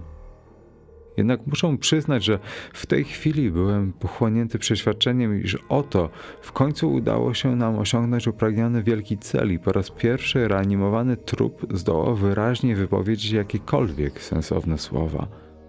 W następnej chwili nie mieliśmy już najmniejszych wątpliwości co do tego, że odnieśliśmy sukces. Niewątpliwie roztwór okazał się skuteczny i przynajmniej na pewien czas zdołał spełnić swoje zadanie, przywracając zimnego trupa do stanu w pełni racjonalnego i artykułowanego życia. Jednak wraz z uczuciem triumfu ogarnęła mnie również dojmująca zgroza i nie był to bynajmniej mrożący krew w żyłach lęk przed koszmarną istotą, która przemówiła, lecz przed czynem, którego byłem świadkiem i przed człowiekiem, z którym złączył mnie zawodowy los. W tej samej chwili bowiem bardzo świeże ciało, które zdołało w końcu zyskać pełną i przerażającą świadomość na wspomnienie swoich ostatnich chwil życia, gwałtownym ruchem wyrzuciło w górę obie ręce, tocząc ostatni bój na śmierć i życie z powietrzem, po czym zaś z ostatnim przeraźliwym krzykiem, którego słowa już zawsze będą rozbrzmiały w mym zbolałym mózgu, po raz drugi i ostatni wyzionęło ducha, przekraczając granicę, skąd nie było już dlań powrotu. Jego ostatnie słowa brzmiały Pomocy! Nie zbliżaj się do mnie, ty przeklęty mały czterooki czorcia! Zabierz ode mnie tę cholerną igłę! 5. Koszmar wśród cieni. Wielu ludzi opowiadało o rozmaitych, upiornych rzeczach. Wiele z tych historii zostało opublikowanych, które miały miejsce na polach bitewnych Wielkiej Wojny. Niektóre niemal pozbawiały mnie przytomności, inne przyprawiały o mdłości, jeszcze inne wzbudzały zimny dreszcz i sprawiały, że mimowolnie w mroku oglądałem się za siebie. Wydaje mi się, że jestem w stanie opowiedzieć o najbardziej koszmarnym ze zdarzeń, jakie tam zaistniało, szokującym, niewiarygodnym koszmarze wśród cieni. W 1915 roku byłem lekarzem w randze podporucznika w pułku stacjonującym we Flanders, jednym z wielu Amerykanów wyprzedzających nasz rząd we włączeniu się w gigantyczne starcie narodów. Nie wstąpiłem do wojska z własnej inicjatywy, ale niejako na przyczepkę, gdyż w armii znalazł się człowiek, którego byłem nieodłącznym, niezastąpionym asystentem. Słynny bostoński specjalista w dziedzinie chirurgii, dr Herbert West. Dr West niecierpliwie czekał na okazję, by móc służyć jako chirurg na frontach Wielkiej Wojny, a gdy dano mu ją, zabrał mnie ze sobą wbrew mojej woli. Istniało wiele powodów, dla których cieszyłbym się, gdyby wojna nas rozdzieliła. Powody, które sprawiły, iż zarówno praktyka medyczna, jak i towarzystwo Westa stawały się dla mnie coraz bardziej irytujące. Kiedy jednak wyjechał do Tawy i dzięki poparciu swego kolegi załatwił sobie najwyższy wynik na komisji wojskowej, nie mogłem oprzeć się jego władczej perswazji, gdy uświadomił mi, że jak zawsze muszą mu towarzyszyć. Kiedy mówię, iż dr West pragnął służyć na froncie, nie mam na myśli stwierdzenia, iż był z natury miłośnikiem wojen, czy zżerał go niepokój o bezpieczeństwo cywilizacji. Nie. West był zimną niczym lód intelektualną maszyną. Chudym, jasnowłosym, niebieskookim okularnikiem. Wydaje mi się, iż w duchu wyszydzał moje napady wojennego entuzjazmu i cezury całkowitej neutralności. W ogarniętym wojenną pożogą Flanders było jednak coś, czego pragnął i aby to zdobyć, musiał zaciągnąć się do wojska. Nie pragnął tego samego co inni, lecz czegoś, co wiązało się z dość specyficzną ścieżką nauki, którą uparcie podążał i na której udało mu się uzyskać zadziwiające i nader odrażające rezultaty. Był to, najkrócej mówiąc, stały zapas świeżo zabitych ludzi w rozmaitych stadiach rozkawałkowania. Herbert West potrzebował świeżych ciał, gdyż jego pasją życiową była reanimacja umarłych. O jego zainteresowaniach nie wiedzieli szacowni pacjenci, którzy w błyskawicznym tempie uczynili Westa sławnym po jego przybyciu do Bostonu. Ja wszakże wiedziałem o tym aż za dobrze, gdyż byłem jego najbliższym przyjacielem i jedynym asystentem od lat, kiedy studiowaliśmy jeszcze medycynę na Uniwersytecie Miskatonic w Arkham. Właśnie na studiach West rozpoczął swe okropne eksperymenty, początkowo na małych zwierzątkach, później zaś na zdobytych w szokujący sposób ludzkich okazach. Opracował roztwór, który wstrzykiwał do żył martwych istot i jeżeli były dostatecznie świeże, reagowały w różnorodny, dziwaczny sposób. Sporo kłopotów przysporzyło mu opracowanie właściwej formuły, gdyż każdy z gatunków zwierząt wymagał zmienionego składu preparatu. Przeżywała go zgroza, gdy przypominał sobie częściowo udane eksperymenty. Bezimienne istoty powstały z niezupełnie świeżych ciał przy użyciu niedoskonałych roztworów. Niektóre z tych okazów pozostały przy życiu. Jeden znajdował się w zakładzie dla obłąkanych w Sefton, podczas gdy inne zniknęły, a kiedy powracał pamięcią do owych wyobrażalnych, acz zdawałoby się niemożliwych przypadków, Pomimo swej zwykle nieugiętej postawy i stoickiego spokoju, przeszywał go dreszcz zgrozy. West przekonał się niebawem, iż absolutna świeżość była podstawowym warunkiem dla używanych do badań okazów i zgodnie z tą regułą zajął się przerażającymi, nienormalnymi praktykami polegającymi na wykradaniu zwłok. Na uczelni i podczas naszej wczesnej praktyki w robotniczym miasteczku Bolton odczuwałem wobec Westa pełen fascynacji podziw. Jednak w miarę, jak stosowane przez niego metody stały się coraz bardziej bezwzględne, poczęła trawić mnie dojmująca zgroza. Nie podobał mi się sposób, w jaki przyglądał się zdrowym, żywym ciałom. Później zaś miała miejsce owa koszmarna sesja w laboratorium, kiedy dowiedziałem się, że jeden z okazów był jeszcze żywy, kiedy został przez Westa spreparowany. Wtedy to po raz pierwszy udało mu się uzyskać w trupie oznaki racjonalnego myślenia i, rzecz jasna, ów sukces uczynił go do reszty nieczułym. Nie ośmielam się mówić o metodach stosowanych przez niego przez ostatnie pięć lat. Trzymała mnie przy nim jedynie czysta, chorobliwa ciekawość i widziałem rzeczy, których język ludzki nie byłby w stanie powtórzyć. Stopniowo Herbert West stał się w moich oczach postacią potworniejszą niż okropności, które były jego dziełem. Uświadomiłem sobie, że jego niegdyś zwyczajny naukowy zapał, związany z przedłużaniem życia, zaczął przyjmować bardziej zdegenerowaną formę, przeradzając się w makabryczną, plugawą ciekawość i sekretny zmysł kostnicowego wizjonerstwa. Jego zainteresowania, prócz tego, że odrażające i diabolicznie nienormalne, były od tej pory piekielne i perwersyjne. Ze stoickim spokojem podziwiał sztuczne monstra, na widok których każdy zdrowy człowiek z miejsca padłby trupem, zdjęty bezgranicznym przerażeniem i odrazą. Za fasadą bladego intelektualnego oblicza stał się nieubłaganym bodlerem fizycznych eksperymentów, obojętnym elagabalusem grobowców. Bez mrugnięcia powieką stawiał czoła niebezpieczeństwom. Zabić kogoś było dla niej równie łatwo jak splunąć.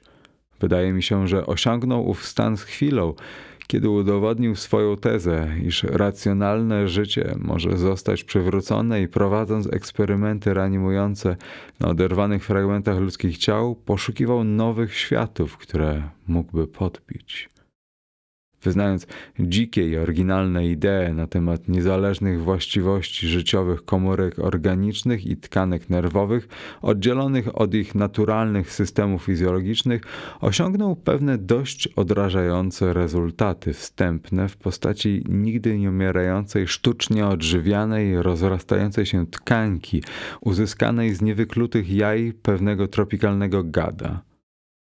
Pragnął zawzięcie ustalić dwie rzeczy – po pierwsze, czy jest możliwe uzyskanie stanu świadomości i racjonalnego działania bez udziału mózgu połączonego z rdzeniem kręgowym i rozmaitymi środkami nerwowymi?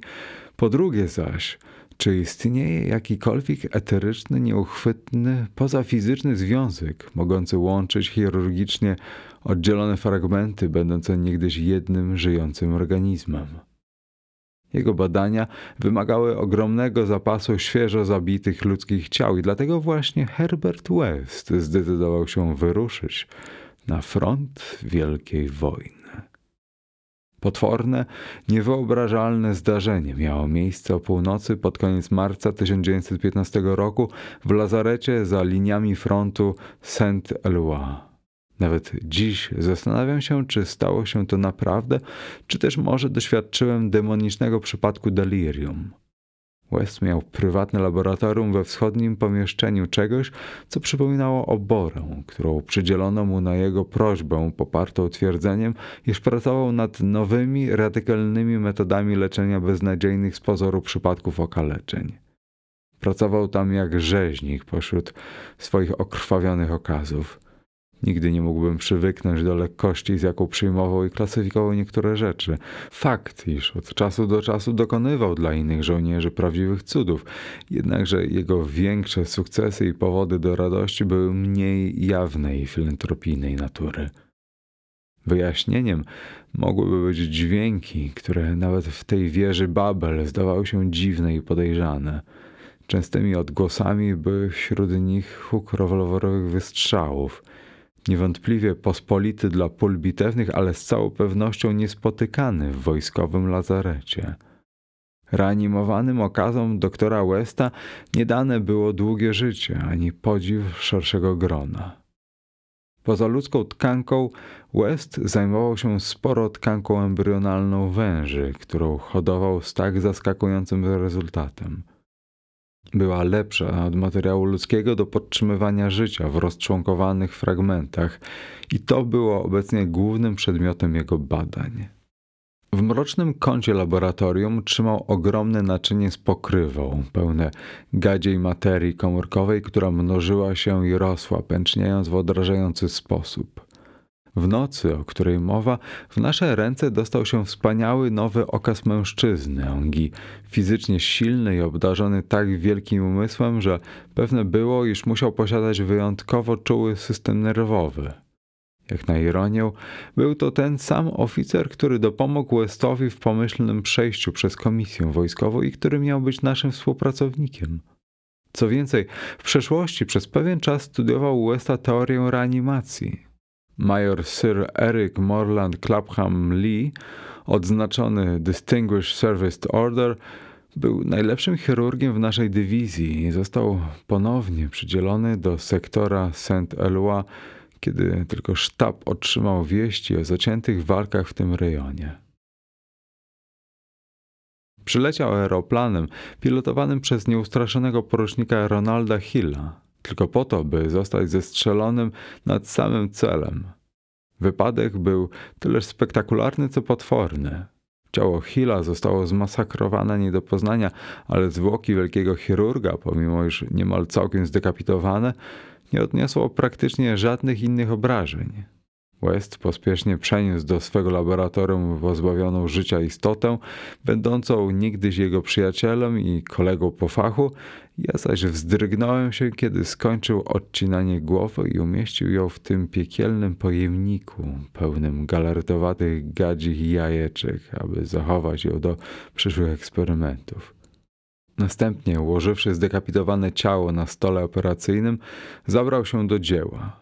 Wstrzyknął trupowi nową krew, podwiązał pewne żyły i arterie, połączył nerwy na bezgłowym kikucie szyję i zamknął go przy pomocy skrawka skóry pobranego z okazu w mundurze oficerskim. Wiedziałem, czego pragnął sprawdzić, czy wysoce zorganizowane ciało mogło pozbawione głowy przejawiać jakiekolwiek oznaki życia umysłowego, które było udziałem dostojnego Sir Erika Morlanda Clapham Lee. Niegdysiejszy student reanimacji, obecnie zimny trup, miał zostać w upiorny sposób wezwany, aby to zilustrować. Wciąż jeszcze widzę Herberta Westa skąpanego w złowieszczym elektrycznym świetle, jak wstrzykiwał swój roztwór reanimacyjny w ramię bezgłowego korpusu.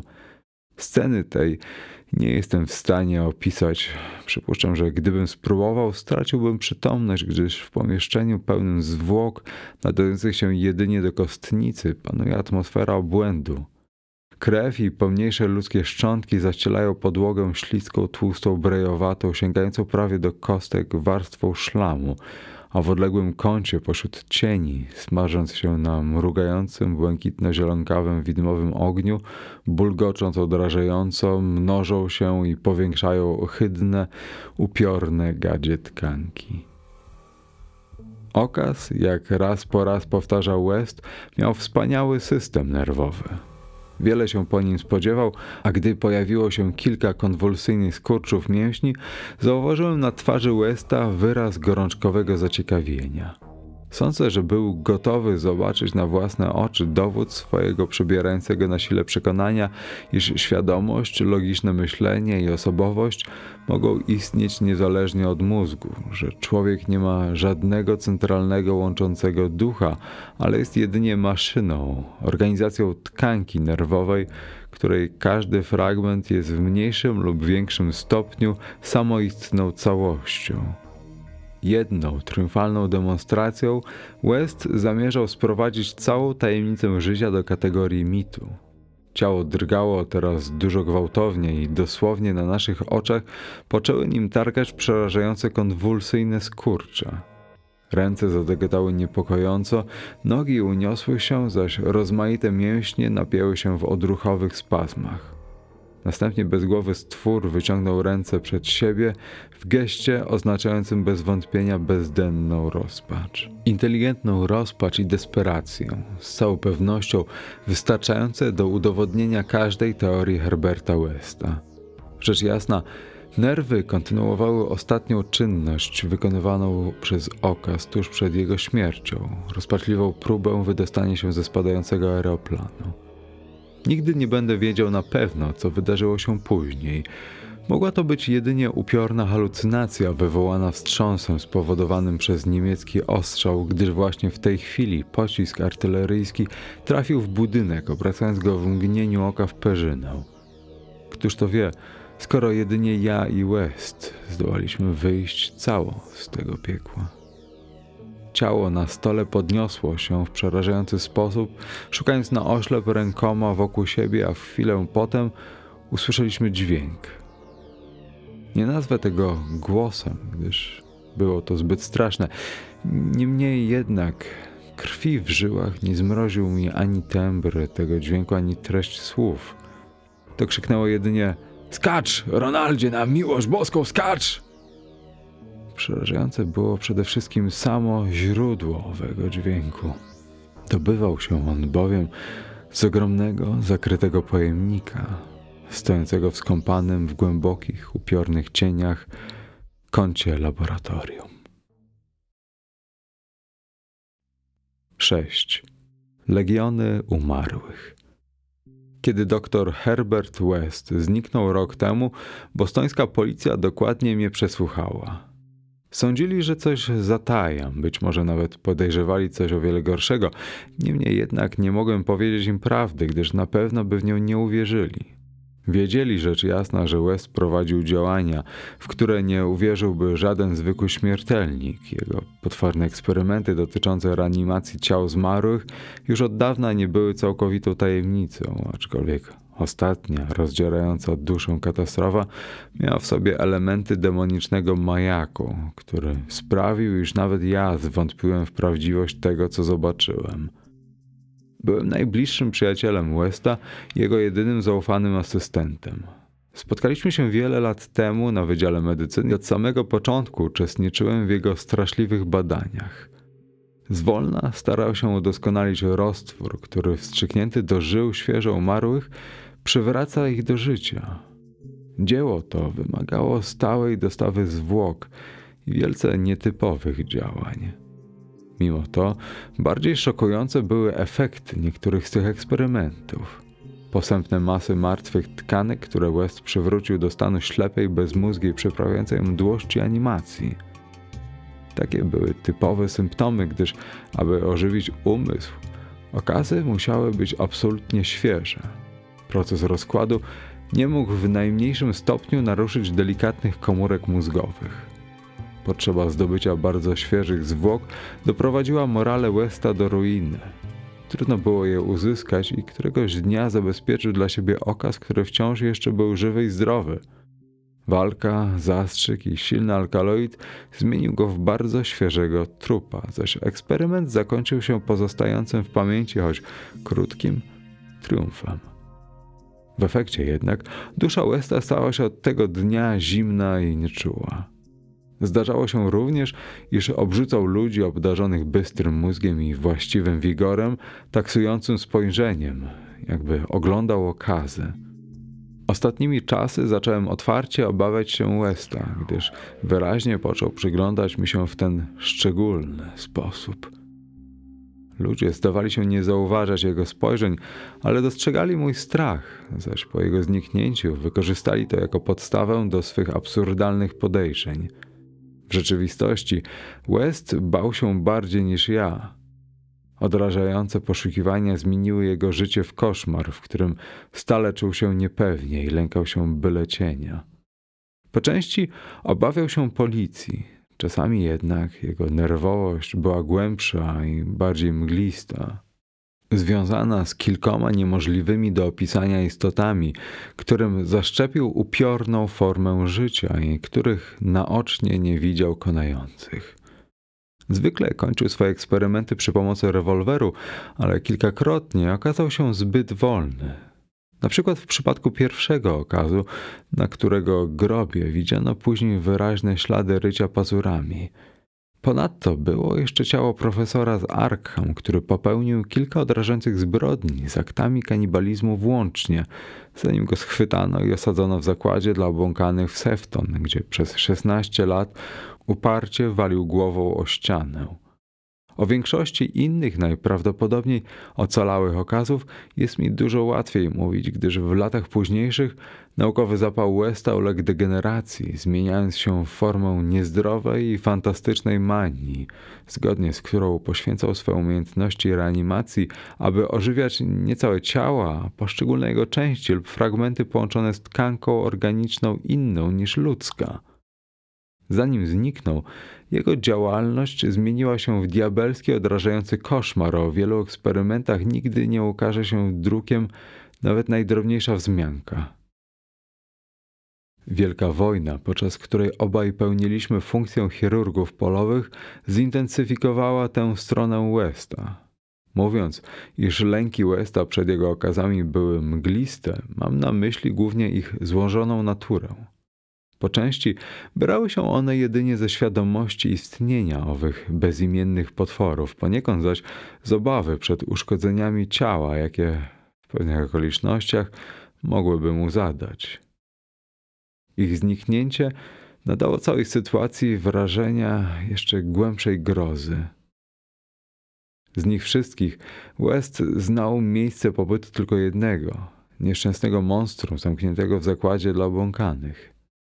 I był jeszcze inny, bardziej subtelny lęk. Nader fantastyczna sensacja, będąca rezultatem niezwykłego eksperymentu w armii kanadyjskiej w 1915 roku.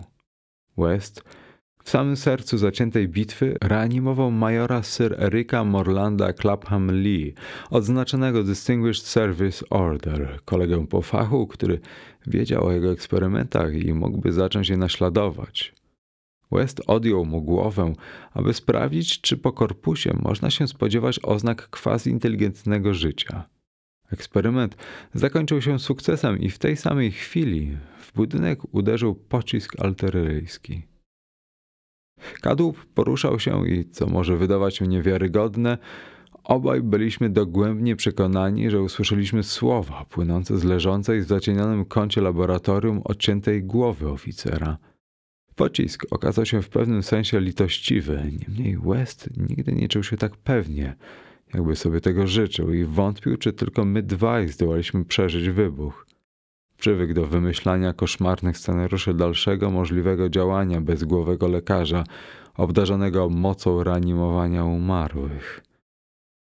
Ostatnia siedziba Westa mieściła się w starym, nader eleganckim domu z widokiem na jeden z najstarszych cmentarzy w Bostonie.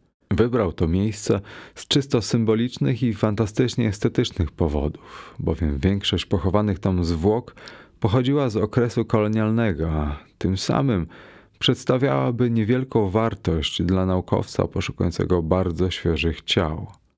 Laboratorium mieściło się w pomieszczeniu podpiwniczym, wybudowanym potajemnie przez zagranicznych robotników – Mieścił się tam wielki piec do spalania nieczystości, w którym West mógł szybko i całkowicie pozbywać się wszystkich tych zwłok, ich fragmentów bądź syntetycznych namiastek, ciał, jakie mogły pozostać po jego makabrycznych eksperymentach.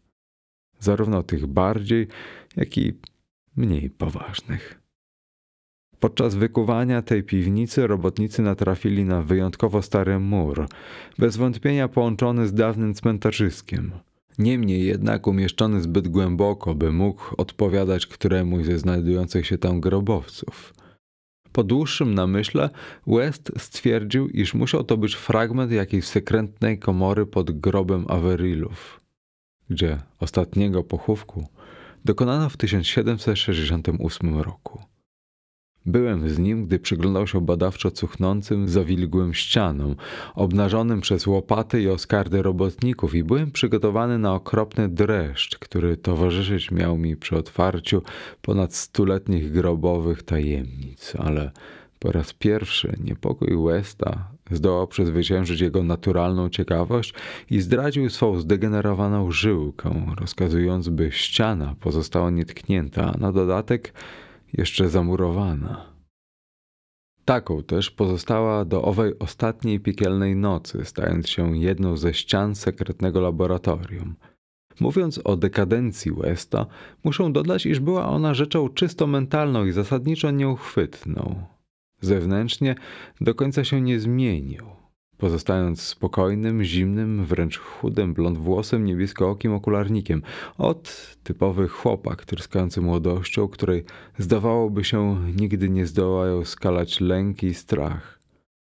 Wydawał się spokojny, nawet kiedy myślał o rozkopanym grobie i oglądał się przez ramię, nawet kiedy myślał o drapieżnej istocie, drapiącej i bijącej głową w ściany swej celi w zakładzie dla obłąkanych w Sefton. Koniec Herberta Westa rozpoczął się pewnego wieczoru w naszej wspólnej pracowni, kiedy na przemian popatrywał z zaciekawieniem to na mnie, to na gazetę. Dziwaczny tytuł na jednej z pamiętych stron przykuł jego uwagę. Zupełnie jakby szpon bezimiennego tytana dosięgnął go poprzez przestrzeń szesnastu długich lat. W zakładzie dla obłąkanych w Sefton, oddalonym o pięćdziesiąt mil stąd, wydarzyło się coś strasznego i niewiarygodnego, powodując zakłopotanie wśród okolicznych mieszkańców i zmieszanie wśród policji. We wczesnych godzinach rannych grupka milczących mężczyzn weszła na teren ośrodka, a ich przywódca obudził pracowników zakładu. Był to budzący grozę wojskowy, który mówił nie poruszając wargami i którego głos, jak głos brzuchomówcy, wydawał się wydobywać ze sporego pudła trzymanego w ręku przez oficera. Jego pozbawione wyrazu oblicze wydawało się niemal olśniewająco piękne, ale dyrektor zakładu przeżył szok, kiedy spostrzegł je w świetle lamp znajdujących się w głównym holu. Była to bowiem woskowa twarz z oczyma zmalowanych szkiełek. Mężczyzna ów musiał paść ofiarą jakiegoś straszliwego wypadku. Tuż za nim podążał wyższy mężczyzna, odrażający osiłek, którego posiniałe oblicze wydawało się na wpół wyżarte przez jakąś nieznaną chorobę. Przywódca zażądał przekazania mu potwornego zabójcy znanego jako kanibal z Arkham, przebywającego w Sefton od 16 lat, a gdy mu odmówiono, dał znak, który spowodował, iż rozpętało się piekło. Diabły z piekła rodem pobiły, podeptały i pogryzły wszystkich pracowników zakładu, którzy nie zdążyli zbiec. Zabiły czterech ludzi, a na końcu uwolniły szalone monstrum. Ofiary, pamiętające szczegóły wypadków i nie popadające przy tym w histerię, przysięgały, że stworzenia zachowywały się mniej jak ludzie, a bardziej jak bezmyślne automaty sterowane przez wojskowego o woskowej twarzy – Zanim zdołano wezwać pomoc, po napastnikach ich przywódcy zniknął wszelki ślad.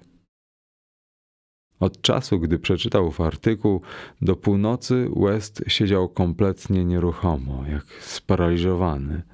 O północy ktoś zadzwonił do drzwi, a West, kompletnie zaskoczony i zaniepokojony, drgnął gwałtownie.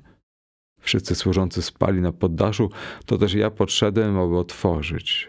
Jak już wspomniałem o tym policji, na ulicy nie było żadnego pojazdu, a jedynie grupka dziwnie wyglądających postaci, dźwigających sporych rozmiarów pudło, które ułożyli w holu, po tym jak jeden z nich wysokim, zgoła nienaturalnym głosem oznajmił Przesyłka ekspresowa, opłata uiszczona z góry. Wyszli z domu chwiejnym, jakby niepewnym krokiem, a gdy za nimi spoglądałem, odniosłem dziwne wrażenie, iż kierowali się w stronę cmentarza na tyłach domu. Kiedy zamknąłem za nimi drzwi, West zszedł na dół i spojrzał na pakę. Miała około dwóch stóp kwadratowych i widniało na niej napisane poprawnie nazwisko Westa oraz jego obecny adres zamieszkania. Znajdował się tam również podpis od Erika Morlanda Klophana Lee, St. Eloi, Flanders. Przed sześcioma laty we Flanders zburzony artyleryjskim pociskiem budynek szpitala zawalił się na bezgłowy korpus doktora Claphama Lee, jego odjętą od ciała głowę, która być może zdołała wydać z siebie artykułowane dźwięki. West nie był teraz nawet poruszony. Jego stan był o wiele bardziej mroczny. To koniec, powiedział, ale najpierw spalmy to. Znieśliśmy pakę do laboratorium, nasłuchując. Nie pamiętam wielu szczegółów, niemniej wierutnym kłamstwem jest twierdzenie, iż to ciało Herberta Westa umieściłem wewnątrz pieca. Obaj wstawiliśmy tam całe nieotwierane pudło, zamknęliśmy drzwi i włączyliśmy prąd. Z pudła nie dobył się żaden, nawet najcieńszy dźwięk. To West pierwszy zauważył odpadające tynki na tej części ściany, gdzie został zamurowany fragment starego grobowca. Chwilę potem dostrzegłem małą czarną szczelinę. Poczułem demoniczny, lodowaty podmuch wiatru, a w moje nozdrza uderzył odór gnijących trzewi ziemi. Nic nie było słychać, ale w tej samej chwili zgasło światło i w blasku jakiejś dziwnej fosforencji płynącej z innego świata dostrzegłem sylwetki całej hordy pracujących w milczeniu upiornych istot, które mogła stworzyć jedynie chora wyobraźnia lub coś o wiele gorszego. Ich postacie były ludzkie, półludzkie, częściowo ludzkie i nieludzkie. Horda była groteskowo heterogeniczna. Jeden po drugim usuwały kamienie z ponad stuletniego muru. Później zaś, kiedy wyłom był dostatecznie duży, pojedynczym szeregiem weszły do laboratorium. Na ich czele podążał kroczący majestatycznie stwór z cudowną głową wykonaną z wosku. Idące za swym przywódcą maszkary zatrzymały spojrzenia pałających obłędem ślepi na Herbercie Westie. West nie opierał się ani nie próbował krzyczeć. Wszystkie monstra w jednej chwili rzuciły się na niego i na moich oczach rozdarły go na strzępy, zabierając fragmenty jego ciała w głąb podziemnej krypty grobowej. Głowę Westa zabrał ze sobą woskogłowy oficer w kanadyjskim mundurze. Zanim zniknął, dostrzegłem, iż niebieskie oczy za szkłami okularów w drucianych oprawkach pałały odrażającym błyskiem pierwszego, jeszcze nieuporządkowanego wrażenia wzrokowego. Rankiem nieprzytomnego odnaleźli mnie służący. West zniknął. W piecu znajdowały się jedynie niezidentyfikowane popioły. Policjanci przesłuchiwali mnie, ale cóż im mogłem powiedzieć? Nie powiążą z Westem tragedii, jaka wydarzała się w Sefton, ani jej, ani wizyty mężczyzn z pudłem, gdyż uparcie zaprzeczają ich istnieniu. Powiedziałem im o grobowcu, a oni wskazali na nienaruszony tynk na zamurowanej ścianie i skwitowali moje słowa śmiechem. W tej sytuacji nie powiedziałem im już nic więcej. Sugerują, że albo jestem szaleńcem, albo mordercą, prawdopodobnie obłąkanym. Ale nie stałbym się nim, gdyby te przeklęte legiony umarłych nie były tak piekielnie ciche. Przekład Robert Lipski. Muzyka Błażej Lindner, Piotr Latona-Kusal i Jacek Brzezowski. Czytał Jacek Brzezowski. Cześć, tu Jacek Brzezowski, a to był kolejny odcinek audycji Tchnienie Grozy. Tchnienie Grozy nagrywam już ponad 10 lat i włożyłem w ten projekt masę swojego czasu oraz pieniędzy. Jeżeli chciałbyś wesprzeć tę audycję finansowo, co pozwoli na upgrade sprzętu, opłaty serwerów, wejdź na www.patronite.pl przez Tchnienie Grozy. Audycja była i zawsze będzie za darmo, ale każde wsparcie jest naprawdę miło widziane. Cześć, tu Jacek. Jeśli spodobało Ci się Tchnienie Grozy i lubisz historię oraz gry fabularne, a może chcesz się nimi zainteresować, to zapraszam Ciebie na swój drugi podcast 6, 10, 12. Pisane osobno cyframi jako 6, odstęp 10, odstęp 12 do znalezienia na YouTube oraz Spotify, a także innych platformach. Zapraszam serdecznie do słuchania.